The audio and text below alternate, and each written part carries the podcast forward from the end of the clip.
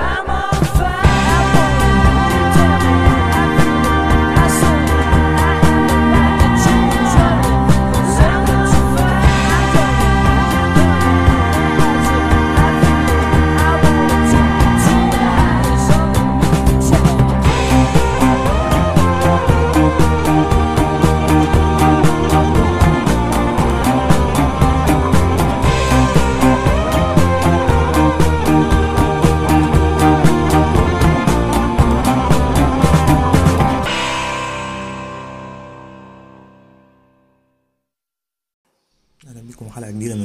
صوت الكورة بنعود بعد فترة من التوقف الاضطراري على الجميع.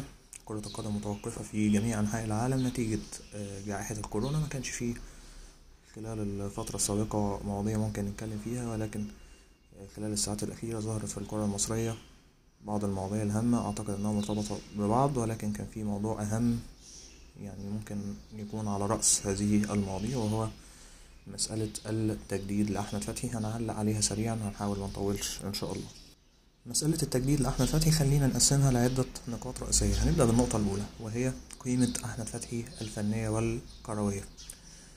لا خلاف بالنسبة لي على الأقل إن أحمد فتحي قيمة يعني من الأهم من أحد أهم الأعمدة في كرة القدم المصرية منذ ظهوره في ال- المستوى الاحترافي أو المستوى الأول. لاعب دولي من سنة 2003 وكان عمره 16 سنة لاعب منتخب أول مع كابتن محمود الجوهري مع كابتن محسن صالح مع مع العديد من المديرين الفنيين اللي اقتنعوا بيه في جميع المراحل. هو صغير أقنع وفي أكتر من مركز وما ننساش نهائي كأس أمم أفريقيا 2006 لما لعب قلب- دفاعنا كان وائل جمعة اللي أصيب في بداية المباراة ضد كوت ديفوار. آه، لعيب أجاد كباك يمين كقلب دفاع كنص ملعب أي حتة كان بيلعب. كأس أفريقيا 2017 مع تقدم عمره لعب باك شمال. فأحمد فتحي أجاد. أحمد فتحي قيمة فنية كبيرة. أحمد فتحي راجل في الملعب. يعني خلاص هو جوه الملعب حطه خلاص هو لعيب راجل. الراجل توج مع منتخب مصر بثلاث بطولات أمم أفريقيا. وصل النهائي في 2017 الراجل لعب نهائي كأس آه، آه، عفوا لعب نهائيات كأس العالم 2018 لعب أولمبياد في 2012 لعب كل شيء يعني من حيث ال CV لو هنقدر نقول ال CV بتاعه CV من أتقل ال CV هات في كرة القدم المصرية. إذا لما نيجي نتكلم عن أحمد فتحي لازم نقدره فنيا لازم نقدر ونذكر إنه لعيب كبير جدا ومش ضروري إنك تقلل من ده مش لازم تقلل من ده أبدا. ممكن تكون غاضب عليه كمشجع ولكن ما ينفعش تقلل من كونه لعيب مهم جدا سواء للأهلي أو لمنتخب مصر المسألة التانية هي مسلسل التجديد لأحمد فتحي اللي بيتكرر كل مرة يتم فتح هذا الملف فيها الأمر مش أول مرة يحصل وأحمد فتحي مش أول مرة يمشي من الأهلي. أحمد فتحي رحل قبل كده في بداية أزمات الكرة المصرية بعد 2012 آه، رحل إلى قطر وقضى فترة هناك ورجع. رحل فترة برضه الهال سيتي معارا ورجع. كان في دايما أزمة في التجديد كان في دايما أزمة في الاتفاق على الماديات. مع كل مرة الراجل ممكن يكون بيقدر نفسه بمبلغ ما أو برقم ما. ال- المسألة برضو كانت حصلت في العام الماضي مع آه، تزامنا مع أزمة آه، عبد الله السعيد. عبد الله السعيد كان رحل وقتها ولكن أحمد فتحي كان مضى وجدد ولكن هذه المرة لم يجدد. الأمور صارت بهذا الشكل. يجي هنا النقطة يقول لك إن أحمد فتحي دايما بيسعى وراء المال. هل يوجد من في كرة القدم اللي ما بيسعاش وراء المال؟ بشكل عام هل في أي حد بيمتهن أي مهنة أو بيشتغل في أي حاجة؟ دايما بيدورش على الفرص الأفضل. لو أنا باخد عشرة وقدامي حد عارض ستاشر ليه مش هفكر في الستاشر؟ هتيجي هنا مقارنة هيقول لك وليد سليمان بيوقع على بياض مثلا أو وليد سليمان كذا. وليد سليمان أكيد بيتقدر بشكل ما وليد سليمان لاقي نفسه في الأهلي. ال safe zone بتاعته في الأهلي. مش شرط وليد سليمان يعني أي لاعب بيجدد بدون أزمات يعني خلاص أنت م- مش بالضرورة تقارن كل الشخصيات وتستنى من كل الشخصيات نفس الشيء. آه هذا اللاعب أعطاك لسنوات استفدت منه واستفاد منك. المنفعة كانت متبادلة دي الاحترافية. هنا يعني هنقول إنك لو هتتكلم عن الاحترافية يبقى يا إما تاخد الاحترافية كلها يا تسيبها كلها. ما ينفعش. يعني تشكل الاحترافية على مزاجك. عندك لعيب تاني؟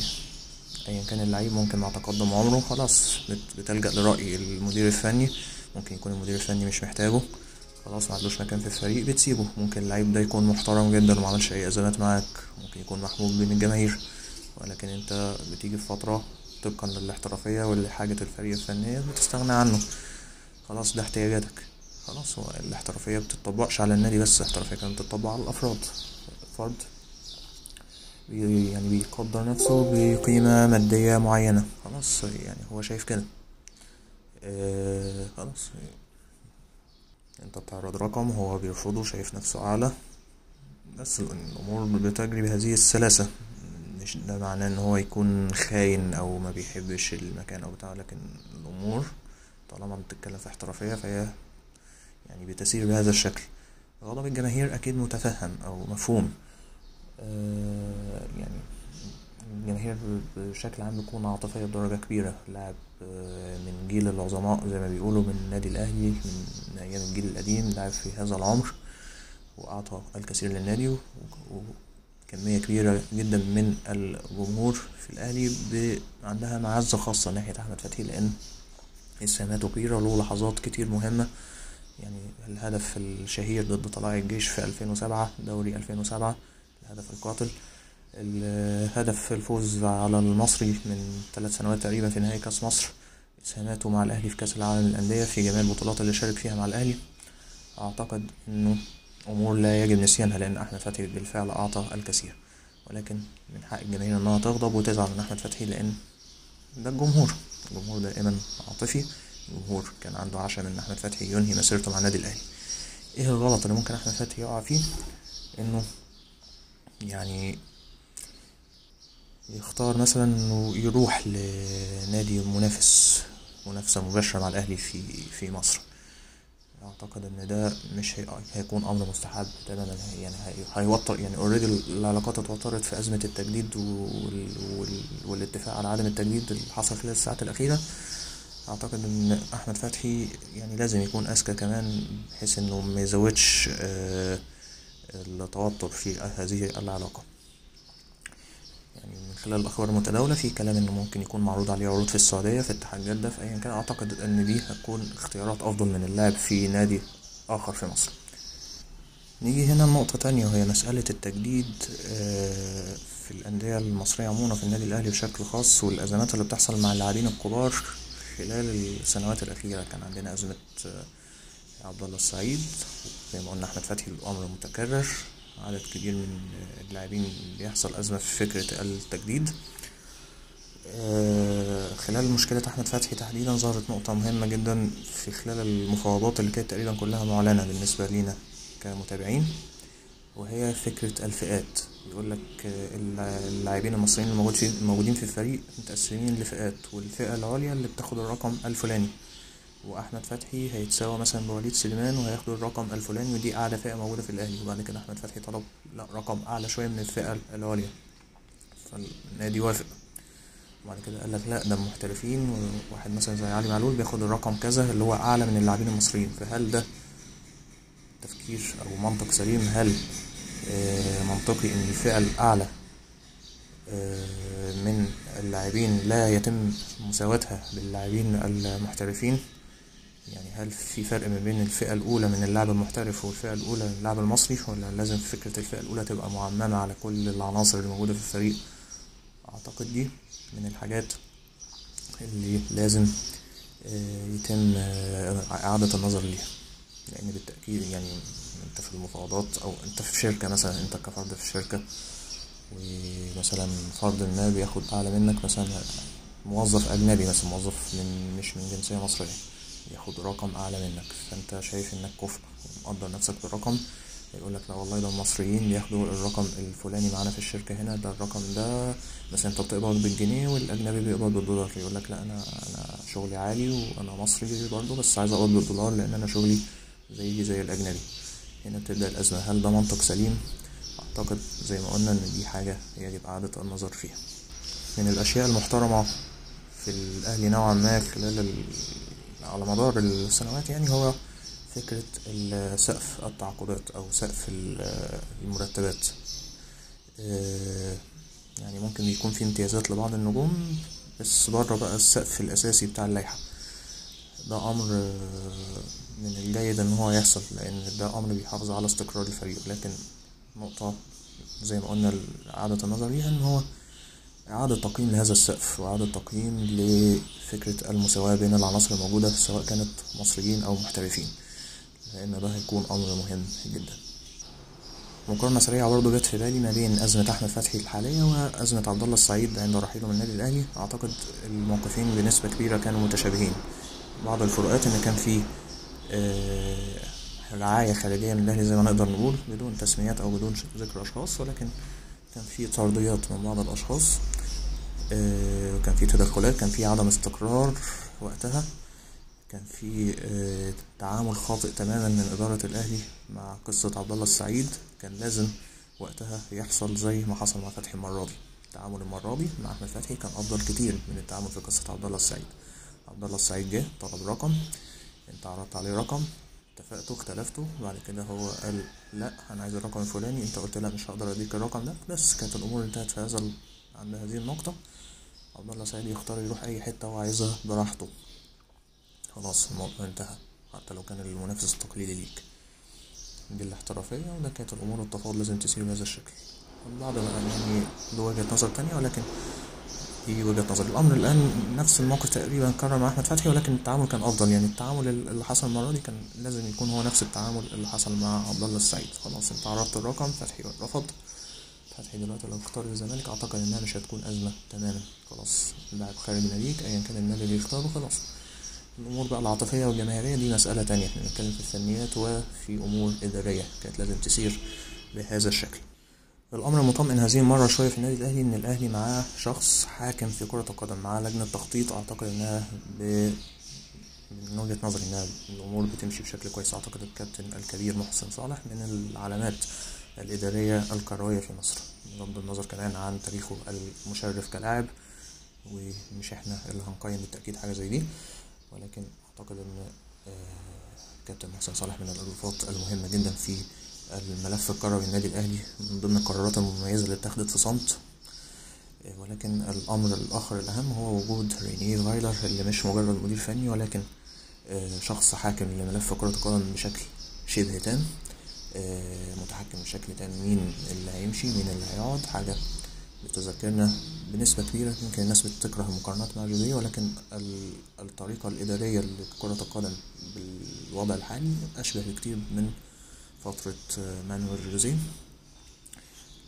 فده ممكن يطمنك شوية إن ممكن الأهلي آه، برؤية من فايلر بعد ما يتعرض عليه العدد المناسب من اللاعبين اللي ممكن يعوضوا أحمد فتحي يكون في وجهة النظر الفنية الأسلم لأن بعد شهور من تواجده كمدير فني في الأهلي أعتقد إن الراجل أثبت نفسه كمدير فني آه، تقدر تثق في اختياراته. وفي قناعته. بمجرد إعلان الأهلي رسميا عن عدم التجديد مع أحمد فتحي بالأمس آه، ظهرت بقى الأخبار والتقارير إن فايلر يفكر في فلان وفي فلان وفي فلان في رجب بكار في باهر المحمدي في علي فوزي كل دي أسامي اتقالت. يعني واجب التنبيه برضو إن عندك محمد هاني في ناس كتير ممكن تكون معترضة عليه ولكن في نقطة حد ذكرها على الإنترنت بالأمس وأعتقد إن أنا متفق عليها بشكل كبير جدا إن محمد هاني سواء كنت مقتنع بمستوى أو لأ هو من أفضل مستويات المركز ده اللي هو الظهير الأيمن في مصر بشكل عام. من وجهة نظري أعتقد إن محمد هاني قادر على التطور. من وجهة نظري في عدم وجود أحمد فتحي أي اسم تاني ممكن تفكر فيه مش هيكون أفضل بكتير من محمد هاني المتواجد بالفعل في النادي الأهلي. من وجهة نظري أنا اللاعب ممكن يكون إضافة بالفعل كتعويض ممكن على المدى البعيد ممكن يتطور ممكن يبقى إضافة مميزة وممكن يقدر يلعب في أكتر من مركز. هو باهر المحمدي أعتقد إنه هيكون إضافة مميزة جدا ومن أفضل الأسماء المتاحة. كسن وكقدرة على التطور لو اشتغل معاه مدير فني قادر على تطويره أعتقد إن هو قابل لهذا التطور. هل الأهلي في أزمة كبرى بعد هذا الملف؟ أعتقد لأ خصوصا بالطريقة اللي ماشية بيها الأمور في في الكورة في كرة القدم مع وجود فايلر في الأهلي في الوقت الحالي. أعتقد الأهلي مش مش في أزمة كبيرة. اللي حصل هو سنة الحياة. لاعب في النهاية مهما كانت قيمته الكبيرة العظيمة اللي ما ننكرهاش أبدا هو لاعب عمره خمسة وتلاتين سنة. آه الأمر برضه عرض وطلب. يعني خمسة وتلاتين سنة صعب تديله الرقم اللي كان طالبه ده. الأمور إداريا زي ما قلنا مشيت بشكل سليم. في النهاية عشان عشان نختصر الموضوع في نقاط آه، مختصرة. ما حدث كان قرار صائب جدا من الأهلي. آه، ما حدث هو حق تام لأحمد فتحي إن هو يقدر نفسه بالشكل اللي يرضاه إن هو يختار محطته القادمة اللي ممكن تقدره بالشكل اللي هو طالبه. هذا هو الاحتراف من حق الجماهير تماما إنها تكون غاضبة على أحمد فتحي. ولكن في شعراية بسيطة جدا بين الغضب والحزن وبين عدم التقدير اللي بالتأكيد يستحقه أحمد فتحي في مسيرته الكاملة كلاعب. هو في النهاية لم يهرب. هو في النهاية كان لاعب خلاص عقده بينتهي. حب يتفق على عقد جديد بشروط معينة لم يحدث اتفاق هو ما زال لاعب للأهلي حتى نهاية الموسم. أعتقد إن أحمد فتحي من نوعية اللاعبين الرجال اللي خلاص هو يعني هي- هيفضل قدر عطاء حتى نهاية عقده. ما أعتقدش إنه من اللاعبين اللي بيتهاونوا أو من اللاعبين اللي بيتخاذلوا في الملعب. يمكن أتذكر موقف لأحمد فه- فتحي في موسم اللي هو كان مش متذكر موسم إيه بالظبط اللي هو كان الموسم اللي كان فيه دوري مجموعتين وكان فيه الدورة المجمعة اللي في النهاية وكان المباراة الأخيرة ما بين الأهلي وسموحة. كان الفترة دي بتاعة الدورة المجمعة الأخيرة كان أحمد فتحي اوريدي عقده خلص مع الأهلي كان عقده منتهي وكان في مفاوضات وكان ممكن يمشي خلال الفترة دي لأن عقده كان خلاص انتهى. مش لسه حتى يتابع على فترة لا كان خلاص العقد انتهى فعليا. ولكن آه، اتفق إن هو يلعب الدورة مجمعة مع الأهلي فوق عقده وبدون أي شروط أو إضافات. فاحمد فتحي من اللاعبين الرجال جوه الملعب. هو من اللاعبين اللي بيتحملوا المسؤولية. وعشمي الشخصي في أحمد فتحي إن هو هيكون قادر على العطاء حتى نهاية الموسم. ده إن الموسم كامل يعني بوجود الكورونا اللي إحنا فيه.